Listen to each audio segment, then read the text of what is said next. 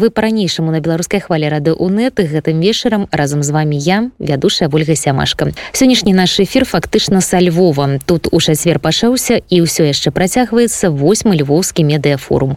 Яго даві сёлета сапраўдная журналістыка мае значэнне. Прыблізна 700 журналістаў прымаюць удзел у форуме і 100 спікераў. Кожны дзень пасяджэнні і сустрэчы праходзіць на чатырох пляцоўках і тэмы самыя розныя. Да прыкладу сёння абмяркоўвалі журналісцкія расследаванні крымскую тэму ва ўкраінскіх медыа сторытэлінг і асобная панель была прысвечана беларускім журналістам варта сказаць што беларуская тэма гучала і на папярэдніх формах але не так маштабна увогуле на львоўскі медыафорум заўсёды запрашалі журналістаў з беларусі і з краін азіі якія сутыкнуліся з абмежаваннем свабоды слова ў сваіх краінах. І львоў быў той пляцоўкай дзе такія гісторыі гучалі заўсёды. Але у гэтым годзе беларускае прадстаўніцтва на форме як ніколі вялікая прогушала лічба што прыехала каля 50 журналістаў. У асноўным гэта нашы калегі якія былі вымушаны збегчы ад пераследу і зараз знаходзяцца ва ўкраіне ці у польшчы.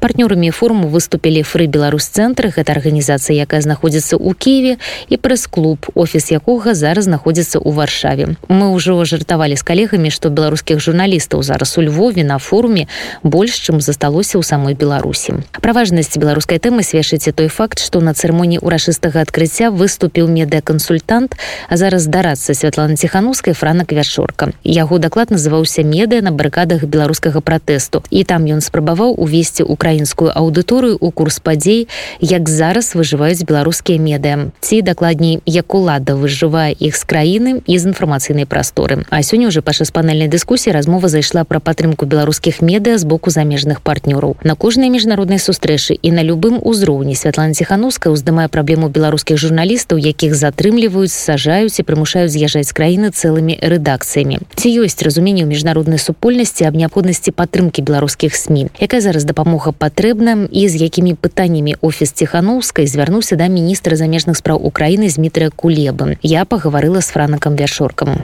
мы заўжды кажам што меты гэта крытычная інфраструктура. Грамадзянская супольнасць не можа існаваць без медыяў. Важна падтрымліваць актывістаў розныя ініцыятывы грамадскага сектара але без медыяў нішто не мае сэнсу і таму мы ну найперш вядзем перамовы з міжнароднымі дзяржаўнымі арганізацыямі ну, это праграма еўрапейская звязу злучаных штатаў Амерыкі асобных дзяржаваў ну і з прыватнымі донарамі таксама падтрымлівалі медыаредакцыі напрыклад такі арганізацыя томсон Reuters ну, брытанскі фонд ён працуе з з прэс-клубам беларускім з іншымі ініцыятывамі ён вельмі ўдала хутка пераключыўся на падтрымку медыяў якія зараз перажываюць крызіс Польшча тыя праграмы падтрымкі медыяў якія былі пераарыентавалі пад тых журналістаў якія зараз вымушана пераязджаюць у Польшчу але гэтага недастаткова. Таму ну, мы бачым што падтрымка павялічваецца але яна вельмі павольна поступае зноў жа яе недастаткова. Не што вы будзеце рабіць? ваши прапановы мы працягваем не працягваем. Это пытанне адвакатавання вакацыі гэта пытанне сустрэчу гэта пытанне ну, пытанне палітычнай волі. Тут трэба тлумачыць бо ні, ніхто не быў падрыхтаваны да рэвалюцыі ніхто не быў падрыхтаваны да гэтага крызісу і на жаль гэта ўсё займае час. На жаль мы трапілі ў пастку бюракраты заходніх краінаў ну, якая не спрыяе ну, вот, можа быць вось апошняе месяц ёсць пазітыўная навіна так? Тое што ну, многія з тых рэдакцый якія пераехалі яны ўсё-таки атрымалі магчымасць адкрыць свае офісы але ўсё роўна гэта недастаткова маштаб маштаб трагедыі маштаб катастрофы нашмат больше чым магчыма ну, заходнія партнёры сабе уяўляюць А вось вы ж узгадвалі што ў дакулебы звярталіся што там за пытанне такое? Якой падтрымку тут журналісты беларускія патрабуюць Ну гэта легальная падтрымка медыяў гэта каб яны маглі хутка легалізавацца гэта пытанне падатка адкладання для гэтых рэдакцыяў пытанне акрэдытацыі корэспандэнтаў і прынпе і карпунтаў медыаарганізацыі і асобных журналістаў пытанне статусу потому что ну, ясно што ёсць абмежаванне па колькасці месяцаў якія можна заставацца і працаваць в украіне без дазволу на працу. Ну, нам важна каб былі зняты гэта абмежаванне альбо спрошчаныя умовы і ну, на жаль гэта заканадаўчая працэдура вось два Польша ўжо змянілі многія заканадаўчыя акты каб дапамагчы беларусам Я ведаю што украінцы таксама спрасцілі прыезд але ўсё роўна гэта недастаткова. Вы ж бачылі статыстыку самі так а толькі ў гэтым годзе больш за 100 тысяч беларусаў пераехалі в украіну сярод іх сотні калі не тысячы людзей якія працуюць альбо супрацоўнічаюць сектарам медыяў не толькі журналісты але блогеру тым ліку. І мы б хацелі каб украінскі ўрад паставіўся з асаблівай пільнасцю увагаю да, да іх лёсу да іх работы. Тому што гэта ў інтарэсы украінскай дзяржавы каб Беларусь стала дэмакратычнай адказальнай асобна абмеркавалі на форуме тэму як за апошні год змяніўся медыарынак у беларусі і як змяніліся падыходы спажыўцоў да інфармацыі. Сацыялогія кажа што дзяржаўная сМ у прыватнасці тэлевізар спачатку выбарчай кампаніі катастрафічна пачалі страшваць давер беларусаў якія шукалі інфармацыю ў незалежных сродках масавай інфармацыі а пасля таго як улада пачала апошняе фактычна знішчаць звярнуліся да альтэрнатыўных крыніц. Гэтым тлумачыцца ўзлёт папулярнасці палітычных блогераў телеграм і youtube каналаў нават тикток у беларусі у нейкім моманце стаў палітычным. Сёння сітуацыя такая што абсалютна ўсе незалежныя сМ якія займаліся грамадска-палітычнай тэматыкай ці заблакаваны ці прызнаны экстрэмістамі. Апошні азначае патэнцыяльныя праблемы ў спажыўцоў контента за любы лайк серы пост зараз можна атрымаць абвінавачванне ў падтрымцы і распаўсюджванні экстрэміскай інфармацыі і адпаведныя прававыя наступствы. Гэтыя законы ў беларусі выконваюцца імгненна і фанатычна. Акрамя таго прызнанне сМ экстрэміскімі ставіць пад пытанне данаты з боку беларускіх спажыўцоў тут ужо пагражае артыкул фінансавання экстрэміскай дзейнасці бо любая транзакцыя па карцы лёгка прасошваецца усё гэта прымушае беларускія незалежныя сМ прыстасоўвацца да новых выклікаў на якія накладаецца яшчэ бяспека супрацоўнікаў і праблемы рэлакацыі. Гэтая тэма я абмеркавала з медыаэкспертам паўлюком быкоўскім. Паўлюк скажитеце ласка ці можна зараз сказаць пра тое што вось у барацьбе дзяржава медыя дзяржава выйграла не думаю что не так.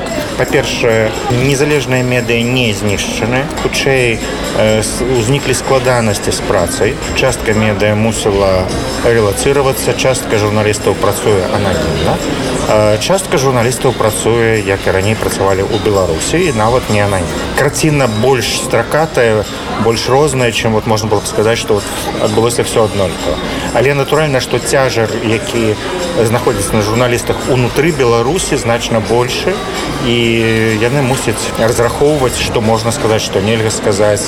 Ну то бок есть такая унутраная цэнзура. Она заўсёды была ў беларускай журналістыцы але зараз яна прысутнічае напэўна ў большай ступені чым раней. Это с одного боку. З другого боку ёсць феномен баррикаднай журналістыкі калі частка журналістаў адыходзіць ад прынцыпаў даставернай і дакладнай інфармацыі журналістыкі фактаў і ўжо змагаюцца за сэнсы змагаюцца за тое каб пераканаць людзей каб яны былі аднадумцамі нейкае палітычнага дзеяння. І вось гэта у нейкай ступені мобілізуе грамадства. З другого боку гэта можа выклікаць пэўны недавер бо спачатку это параджае пэўныя і такія мары і надзеі якія праз хуткі час трэба спраўдзіць яны не заўсёды спраўджваюцца. Вот зараз вот ёсць зніжэнне цікаўнасці да грамадска-палітычнай інфармацыі беларусі бо ну прынцыпе з пункту гледжання аўдыторыі ну нічога цікавага не адбываецца. А тое што думалі што могуць быць змены хутка вот яны не выглядаюць што яны будуць хутка. І таму ну людзі сталі менш цікавіцца. Гэта все разам важныя фактары яшчэ важныя фактарам я бы назвал змену мадэляў манетызацыі бо шмат якія меды аказаліся под ударам у тым ліку як структуры. Былі удары па медыа бізнесу звязанымі з арыштамі рахункаў фізічнымі праблемамі затрыманнем кіраўнікоў медыа журналістаў. І гэта уплывае і ўплывае таксама на рэкламадаўцаў. Яны у некаторых сітуацыях адмаўляюцца. Хаця нельга сказаць што зноў такі это аднолькавая такая чорна-белая карціна я вот размаўляю з вадаўцамі некаторы кажуць наадварот нас закідваюць прапановы у нас зараз няма магчымасці эти прапановы выкарыстоўваць бо у нас спынена дзейнасць нашага выдавецтва. Рэдакцыя не мае права прымаць гэтыя грошы. Мы перабудоўваемся на новыя рэйкі. Все гэта прысутнічае адначасова і гэта прымушае меды змагацца за жыццё і знаходзіць новыя шляхі. Ну і яшчэ адзін момант. З-за таго што вельмі шмат такія сайты былі заблакаваныя ў беларусі медыя якія не вельмі так ахвоча хацелі ісці на да шматплатформенасці зараз вымушаны ісці да шматплатформенасці размяшчаць там контент навучыліся цяпер трэба каб навучыліся зарабляць там грошы. Вот это таксама складаная задача якую в прынцыпе вырашаюць бо хочаш жыць будзеш крутыць акрамя таго меда якія раней паміж сабой канкурыравалі там скажем да супрацоўніцтва было было далёка зараз кааперыраваліся так ёсць шмат прыкладаў салідарнасці незалежных медыяў паміж сабой я не думаю что гэта назаўсёды бо як толькі водяное перемирие заканчивается то можа быть конкуренция зноў адновіцца бо конкуренция для медыарынку это нормальная. Она прымушае рухацца наперад. Ну а зараз праява салідарнасці это нормально бо прыстойныя людзі прыстойныя медыа спрабуюць паводзіць себе прыстой ці могуць увогуле беларускія рэдакцыі ў выгнанні ствараць контент які будзе цікавы самім беларусам унутры краіны? Гэта магчыма але ў гэтага ёсць пэўнае пажаванне. Ну нездарма усе медыа якія допустим заходнія меды якія працавалі для беларускай аўдыторыі стваралі карпункты ці неафіцыйныя карпункты ў беларусі бо э, чым большая дыстанцыя тым э, менш адчування што будзе цікава людзям і адчування як трэба інтэрпрэтаваць гэтыя факты.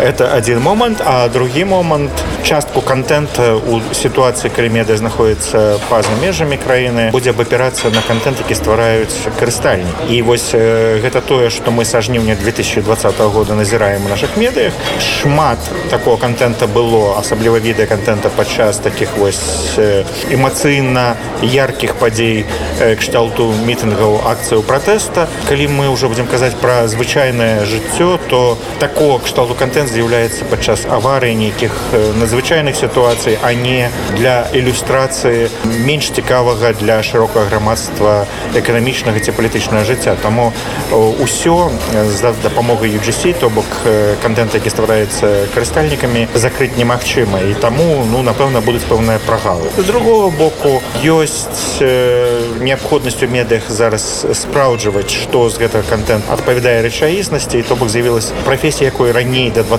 году ў беларусі фактычна не было. Правяраць контент карыстальнікаў з аднаго боку а з другого боку ментаринг то бок вядзенне за сабой карыстальнікаў прывабліванне іх зацікаўленне рабіць гэта контент то бок тлумачыць чаму это важно бо гэта каштуе не столькі грошаў колькі цікаўнасці людзей каб яны верылі что это патрэбна камусьці і шмат які контент ствараецца задарма але каб его стварыць задарма трэба каб людзі папрацавалі і пераканалі карыстальнікаў дапамагчы.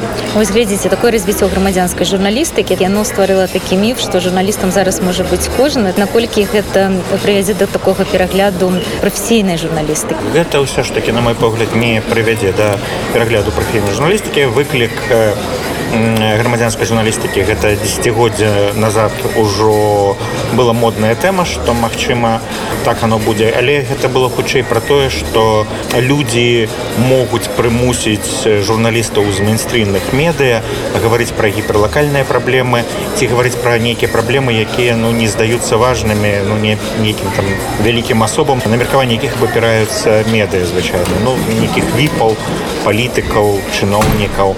Вось я для проекта медзяйку раблю некалькі даследаванняў і вот адно з іх паказвае што у беларускіх медыя нават у сітуацыі калі зараз журналістам складана размаўляць з чыноўнікамі ўсё роўна чыноўнікі і эксперты сустракаюцца часцей чым простыя людзі людзі для якіх падзея мяняе жыццё хотя вот это ну, здавалася б тое что было бы цікавым. Это сапраўды цікава але одного боку цяжка правесці на вуліцы пытанне бо той хто правдзіцца пытанне можа яго не закончыць яго могуць затрымаць а з другого боку нават онлайн на пытанне ну просто ну гэта трэба праца і таму падобнае ну может быть да гэтага не даходзіць руки але у нармальнай мірнай сітуацыі калі асабліва казаць пра рэгіянальныя медыа то вось такія вот голас людзей з вуліцы там прысутнічаў заўсёды і ён прымушаў звяртаць звяртаць увагу на некаторыя рэчы якія ну может быть чалавек які паглыблены ў нейкую палітыку там ці штосьці падобнае не здаваліся бы важнымі але людзі лічаць іх важнымі там дзе павінен быць прыпынак ці трэба каб закончылі ремонт нейкага будынка пераменаваць вуліцу пераменаваць вуліцы і так далей і так далей ну то бок надзённыя праблемы якія вот у гэтым канкрэтным месцы вельмі важны. Вось да гэтага мы таксама вернемся. У прынцыпе гэта не знікла зусім ну і яшчэ адно з назіранняў. Я заўсёды быў супраць падзелу журналістаў на дзяржаўныя недзяржаўныя на чесныя нячэсныя. Але вот зараз гэты падзел адбыўся. Былася вялікая такая вот рыса паміж журналістамі якія працуюць у адных медыях і працуюць у іншых медыях.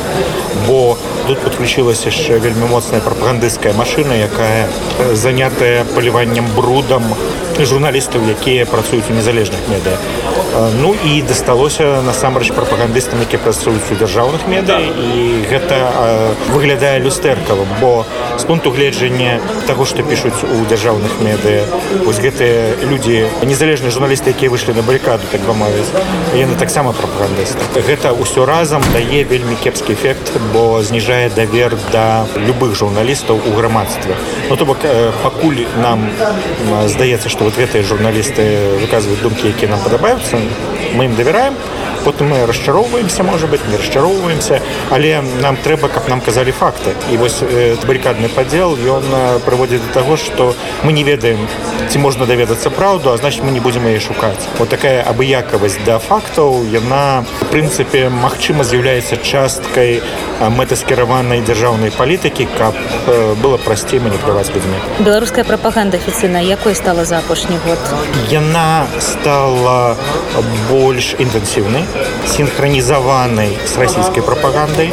Это не значит, что яны полтараюць штосьці тое, что придумали в Кремле, яны просто кажут тое же самое. Появились аднолькавыя эксперты, и гэтые эксперты раптам стали рассказывать не только про русский мир, ці там э, социальную обороненность у Беларуси, и якой быццам бы нема, у, допустим, у Германии, ці там скандинавских краинах, ці Польши.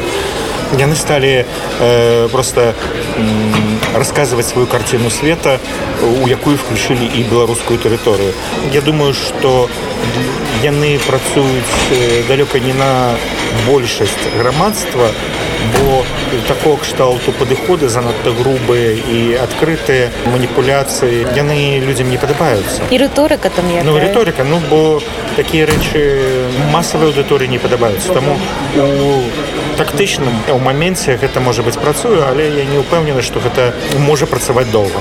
Адразу некалькі выступленняў на львоўскім медыафоруме былі прысвечаны рабоце беларускіх рэдакцый у выгнанні. Вопытам работы за мяжой падзяліліся тыя хто даўно працуе ў такім фармаце да прыкладу белсад і тыя хто вымушаны быў перавозіць супрацоўнікаў у апошнія месяцы.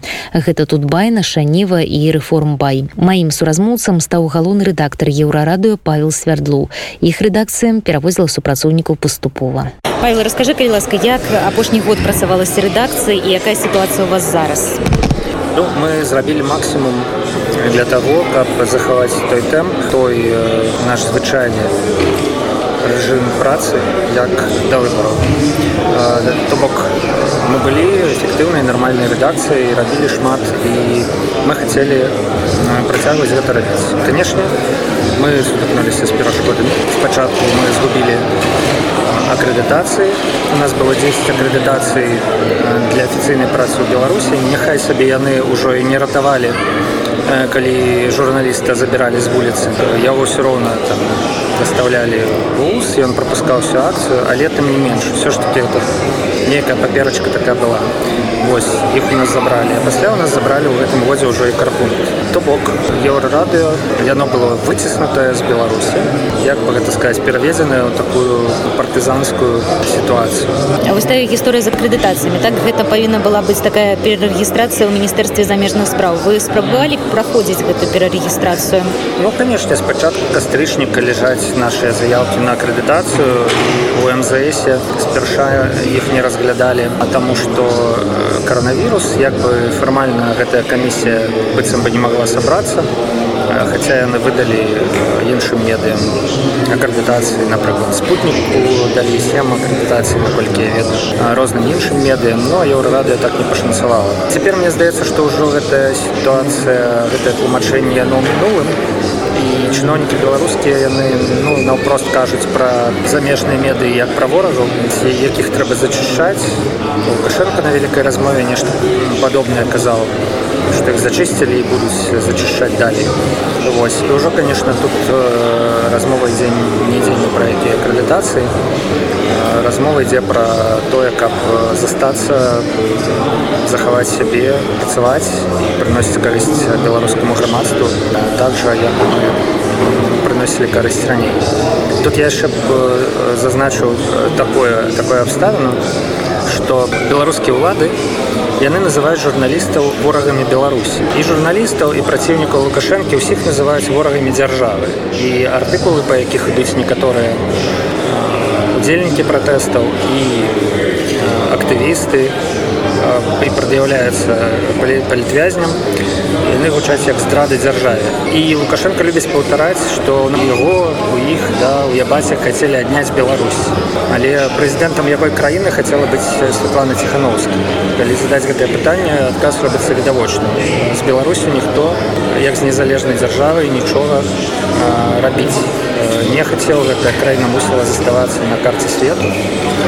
Каму супрацьстаялі актывісты пратэстоўцы калі выходзілі на вуліцы гэта яны супрацьстаялі ўладзе яны хацелі памяняць уладу. І журналісты калі яны пішуць нешта крытычнае яны працуюць не супраць беларускай дзяржавы. Яны працуюць дзеля таго каб улада усвядоміла свае памылкі і па магчымасці іх выправіла але ўлады ім зручней называць журналістаў ворагамі прычым ворагамі не ўлады а дзяржава наша дзяржава просто не умее гэта размяжоўваць да это як лідовик 14 вядомая яго фраза дзяржава гэта я ну вось наша беларускія ўлады яны таксама кажуць што дзяржава гэта яны а насамрэч дзяржава это мы ўсе вось яны за душки на дзяржавы выносяць усіх хто супраць іх калі ты супраць беларускіх уладаў ты быццам бы супраць беларускай дзяржавы але гэта відавочна неправда. Няма большых патрыётаў беларусі чым тыя хто пасля выбараў выкрывалі фальсіфікацыі патрабавалі вывешвання протаколу асвятлялі ўсе гэты падзеі дасылалі відэо ў медыі чым тыя хто выходзіў на вуліцы і пратэставаў супраць того гвалту які ўчынілі ўлады у дзяржаве. Няма большых патрыётаў беларускай дзяржавы. Гэта тыя людзі якія хацелі каб Беларусь была каб Беларусь развівалася каб яна змянялася да лепшую Ну а нашу ладу ўсё хочуць пакінуць так як ёсць таму што яны атаясамліваюць дзяржаву з сабой ну а самі яны хочуць застацца там дзе Ну, вось паслухай ну да з 2020 года еўрарадыо так у беларусі нармальная суіснавала з дзяржавай так вас нават запрашалі і на прэзідэнцкія размовы так то хто бы таких праблем не было так. Да.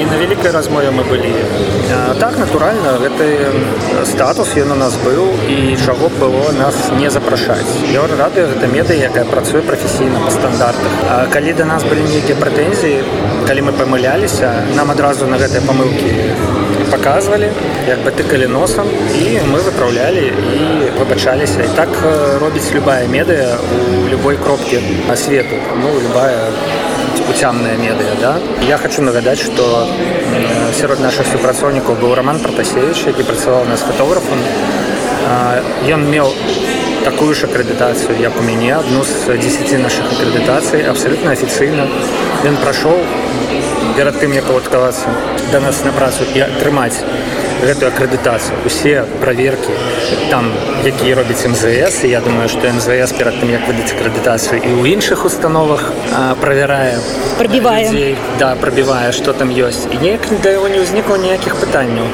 што ён там забіваў некага ў краіне там што ён тэрарысты і так далее. Все это просто э, ну у 18 годзе было нормально а ў двадцатым раптам чалавек ператварыўся тэрарыста все это выдумка конечно. А вось у двадцатым годзе для вас першы такі званочак што стала ім то што ў рэдакцыі праблемы будуць Ну увогуле былі ж затрыманні падчас стрымаў яшчэ падчас выбарчай кампаніі Ну але мы там былі не адну ўвесь час і мы спадзяваліся на лепш як у прынцыпе усе у гэтай краіне хаця відавочна было што па тым як улады праводзілі выбарчую кампанію па тым як яны бартанулі спачатку людзей ад удзелу у выбарчых камісіях пасля назіральнікаў да, пасля пачалі выстаўляць іх за там агароджу школы і гэтак далее і так далее да было відавочна што ўсё ж таки нешта з гэтымі выбарамі будзе не тое бо сумленна выбары праводзяцца па-іншым адкрыта да там ніякай адкрытасцю не пахне. Але 9 напрыклад мы збіраліся рабіць жывы эфір з раніцы да вечара з нашай студыі з уключэннямі. Як галасуе той кандыдат гэты кандыдат. Як адбываецца што ў горадзе. Все было падрыхтавана у нас. Мы прыйшлі раніцай у рэдакцыю і стыкнуліся па-першае з тым што няма інтэрнета па-другое з тым што заблокаваны наш сайт. Ну вось як бы. Гэта ўжо былі не званочки это ўжо былі такія нармальныя цёрскія удары такія которые мы в прынцыпе пропусцілі ну але мы хутка ўсталі на ногі засвоілі впн всякие розныя конечно ўжо не пра які жывы эфір не магло быць і гаворкі ды і ніхто не мог бы яго глядзець тому что інтэрнета не было ва ўсёй краіны хутка не стала да і на некалькі дзён як мы памятаем вось ну але ўсе все перайшлі у мессенджеры. Тое что мы в прынцыпе удала спрацавалі я думаю відавочна тому что у нас телеграм вырастал 8 разоў youtube там 6 разоў за гэты год да які прайшоў все змянілася для беларусаў можна радыкальна у прынцыпе сказаць што сайты пры гэтай уладзе гэта не, ўжо не актуальна не актуальная крыніца інфармацыі гэта тое да чаго не дабярэшся без перашкодаў знутры беларусі ну а значыць все змянілася тое што вось бюро існавала так яшчэ пэўны час пасля таго як у вас забралі акрэдытацыю гэта давала вам якую-нибудь гарантыю Ну гэта не давала ніякіх гарантый нашы журналісты сядзелі у на сутках на роўных з іншымі журналістамі і у прынцыпе збівалі іх на акцыях і клалі там твармы на асфальт. Ось то бок ніякіх абсалютна гарантый гэта не давала але гэта давала магчымасць афіцыйна працаваць у немцу корэспандэнцкі пункт гэта найперш юрыдычная асоба гэта рахунак гэта магчымасць плаціць людзям заробак за тое што яны працуюць магчымасць наймаць іх на працу таким чынам радуючы ад гэта драмаецкага збору які дарэчы нарадваю ніхто не адмяняў які над людзьмі вісіць вось і э, гэта э, было важно. Цяпер э, гэтага няма людзі дзеля того працаваць на еўрарады афіцыйна працаваць на еўрарады яны мусяць з'язджаць беларусь ладковацца наш польскі офіс который увесь гэты час працаваў працуе ну і вось канешне двадцаты год паказаў што гэтая схема яна спрацавала ўсё ж таки да? час ад часу нам задавалі такое пытанне навошта вам польшчы у нас ліцэнзія офіс то бок мы польская медыа фармальна мы радыёстанцыя у якой ёсць fm у якой есть спутнік якая на 70соткаў транслюе музыку і на 30соткаў інфармацыйныя праграмы і вось нам задавалі пытанне навошта все гэта калі ну як бы твар еўрарады аблічча тое што людзі бачаць тое што яны спажываюць гэта ну вось то што памацаць руками можна да гэта сайт гэта youtube канал гэта там іншыя пляцоўкі сацыяльныя сеткі так. да. А, ну вось а, просто тое што адбывалася у двадцатым годзе магло і ў 15 і ў десятым і ў шостым годзе. І ў пэўным сэнсе гэта і адбывалася. Да канешне не так просто маштабна. Але існаванне гэтага офіса яно дазволіла нам вот тое з чаго я пачынаў яно дазволіла нам ніводнай хвіліны не згубіць не прастаяць не спыніць вытворчасць інфармацыі не спыніць жывых эфіраў. Гэтая магчымасць дазволіла просто вот як цягнік ідзе стрэлка пераключаецца і ён паехаў па іншай каляіне так Вось ну мы скарысталіся гэтым як парашутам цяпер больше супрацоўнікаў яна там іншая рэдакцыйная палітыка не змянілася я увесь час кажу что медыі якія зачыняюцца якія выціскаюцца з беларусі людзі якія вымушаны выязджаць яны робяцца больш жорсткімі і мне здаецца что крыху мы по сабе гэта таксама адчуваем але больше все ж таки мы мне здаецца нічога не мяняем да вот наша была мэта Thank you. Як мы працавалі па стандартах журналісткіх так і працаваць ну, адзінае што э, магу сказаць шчыра што мы сталі менш пісаць пра лукашэнку менш перажываць яго словы А калі мы яго згадваем то у выпадках калі ён падпісаў нейкі указ ну, які сапраўды паўплывае на жыцці людзей нейкую сферу беларускую ну ці э, выпадку калі можна правесці факт-чек. Калі ён нешта не пераблытаў сказіў факты да. Ну а просто перажаваць вось тое што ён кажа мне здаецца уже бессэнсоўным. То бок рабіць навіну з кожнага нового перла. Тому что яго этапу інфармацыйны прасторы дастаткова. І без нас вось. І ну мне здаецца что таксама аўдыторыя гэта адчувае. Тыя каму ён мазоліць вочы і тыя каму ён надакучыў ну яны выбіраюць тыя меды дзе его паменей і зараз вось сярод беларускіх журналістаў ідзе такая дыскусія ці можа сМ прасаваць паўнавартасна з беларускім парадкам дня калі не, не мае корэспандэнтаў на беларусі само не знаходзіцца ў беларусі. Что ты думаешь на гэты конт? Я думаю что безумоўна можа. Есть шмат прыкладаў у свеце калі меды вельмі паспяхова спраўляліся з гэтай задачай у іншых краінах.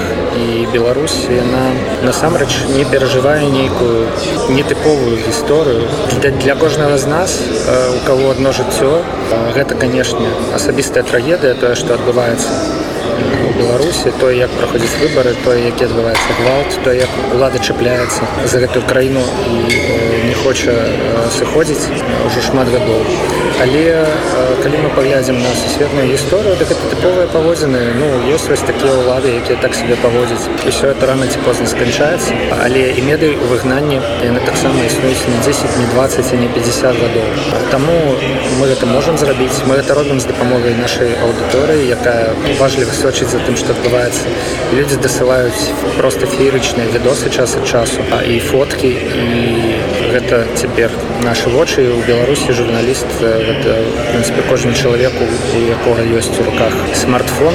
Не толькі журналісты перагледзелі неяк ты інструменты навучыліся новаму за гэты год але людзі таксама яны навучыліся хутка даставаць смартфоны і пачынаць здымаць Вось то бок гэта можна. Все гэта можна рабіць. Але канешне мы чакаем моманту калі можна будзе не баючыся сваю бяспеку вярнуцца ў Беларусь. Тому что сёння шмат наших коллег мне здаецца больш за 30 ну, блізу 30 журналістаў і медыаменеджераў беларускіх сядзяць за кратамі і ўсім зразумела что кожны хто навідавоку і кожны журналіст які хоць як-небудзь раздражняе ўлады ён знаходзіцца ў небяспецы і пад ударом.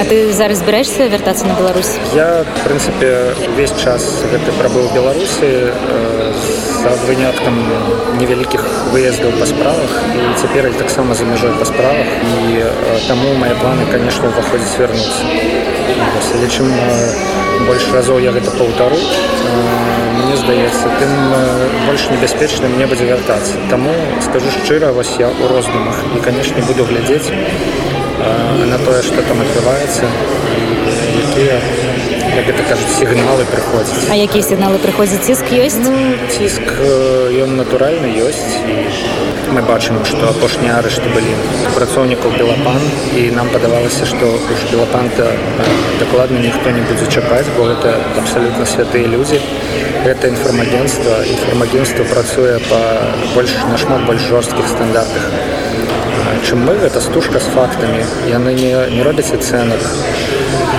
яны просто